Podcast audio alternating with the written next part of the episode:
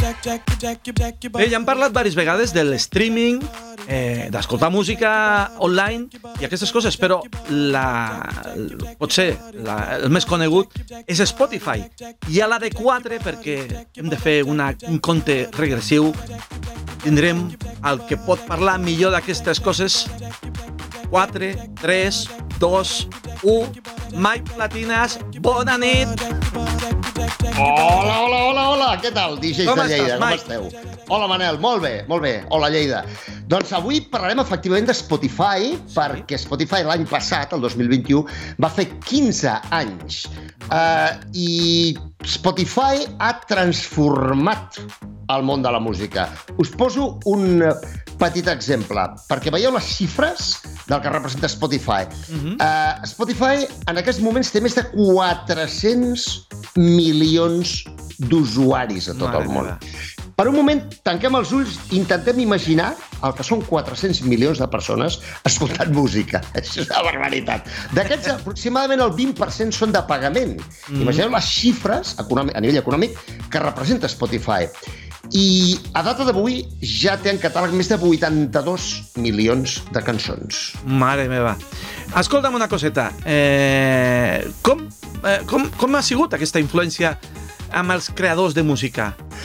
Doncs mira, en els creadors de música, eh, Spotify ha representat, Spotify i altres serveis similars, però principalment Spotify, que és el més important, ha representat un canvi, ha representat una revolució en molts aspectes. Us poso uns quants exemples. El promig, perquè això varia segons cada país i segons una sèrie de, de factors, no? però el promig que cada creador, cada compositor, productor, cada músic obté de Spotify mm -hmm. és que cada vegada que escoltem una cançó a Spotify, el creador cobra entre 0,003 i 0,006 dòlars per reproducció.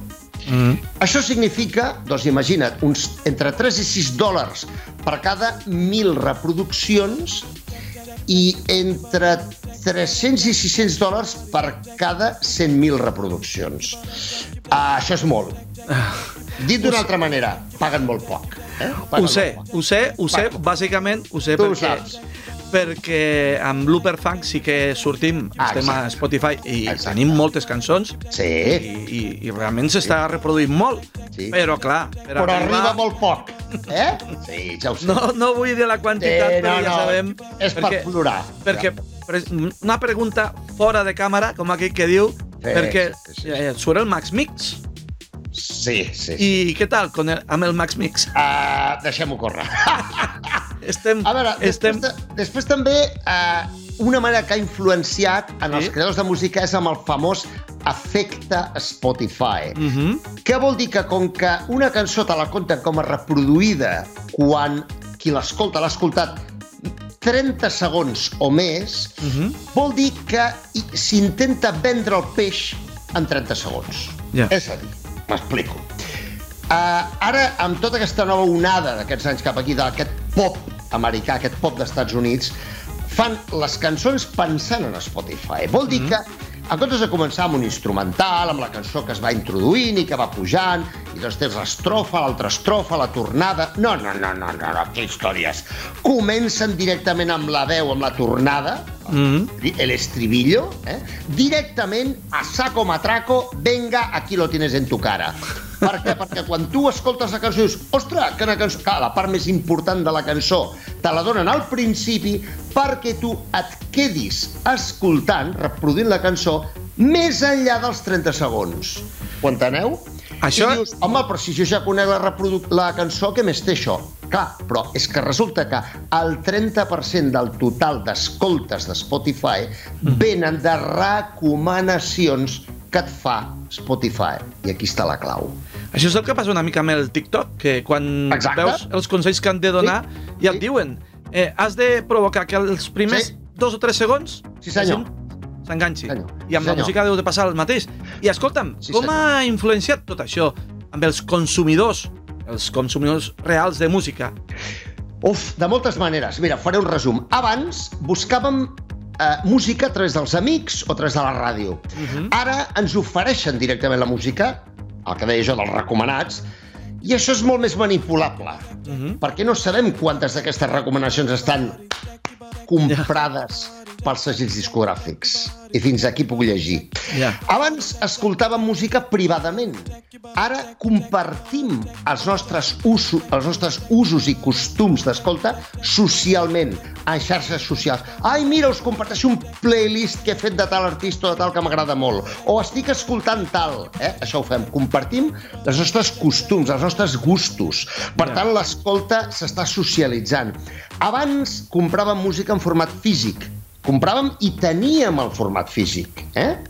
Ara no, ara lloguem la música. Mhm. Paguem una subscripció mensual per poder tenir accés a escoltar la música. Per tant, lloguem la capacitat d'escoltar-la. Pel moment que deixem de pagar la subscripció, s'acabó.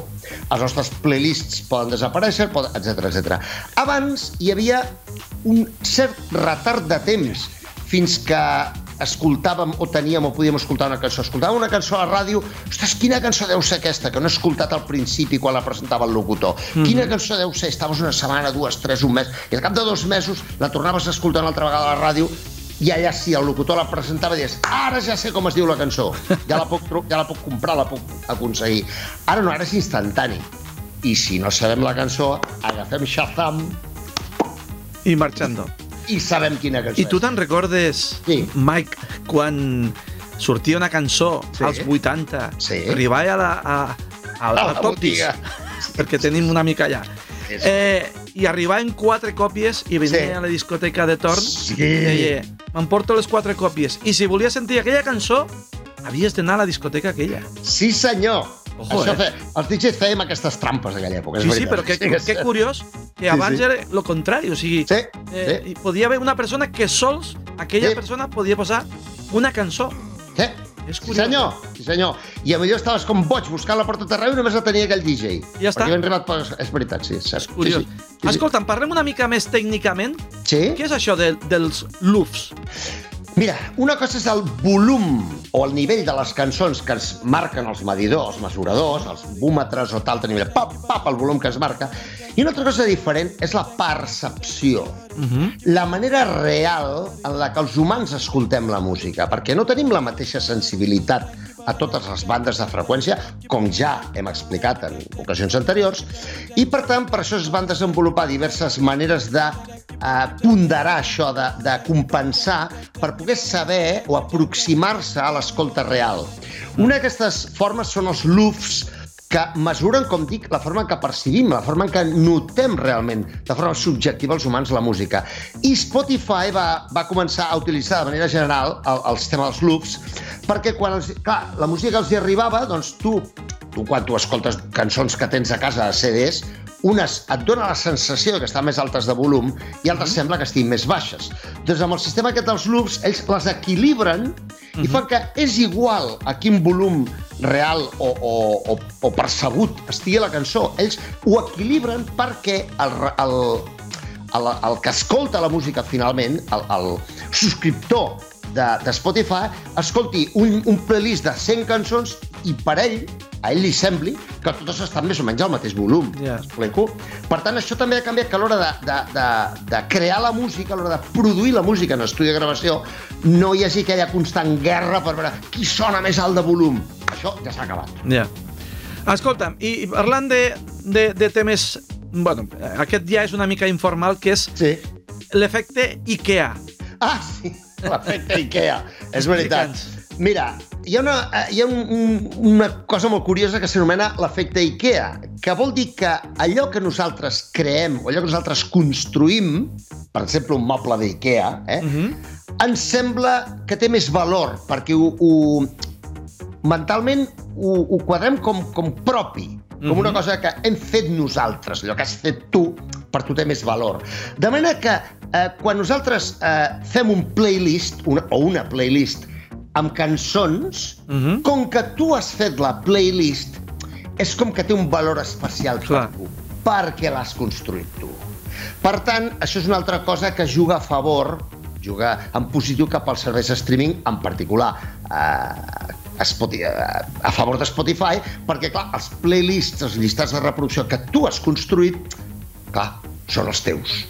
Aquests. Efecte Ikea. Això passa, és una mica que el passa amb un artista. És dir, no, és Sí. el, no és el mateix fer el David Guetta un playlist Clar. que DJ Ricardo. Ah, exacte. Sí, senyor. M'imagino que és una mica això. Escolta'm, i per tu, què és el més remarcable de Spotify?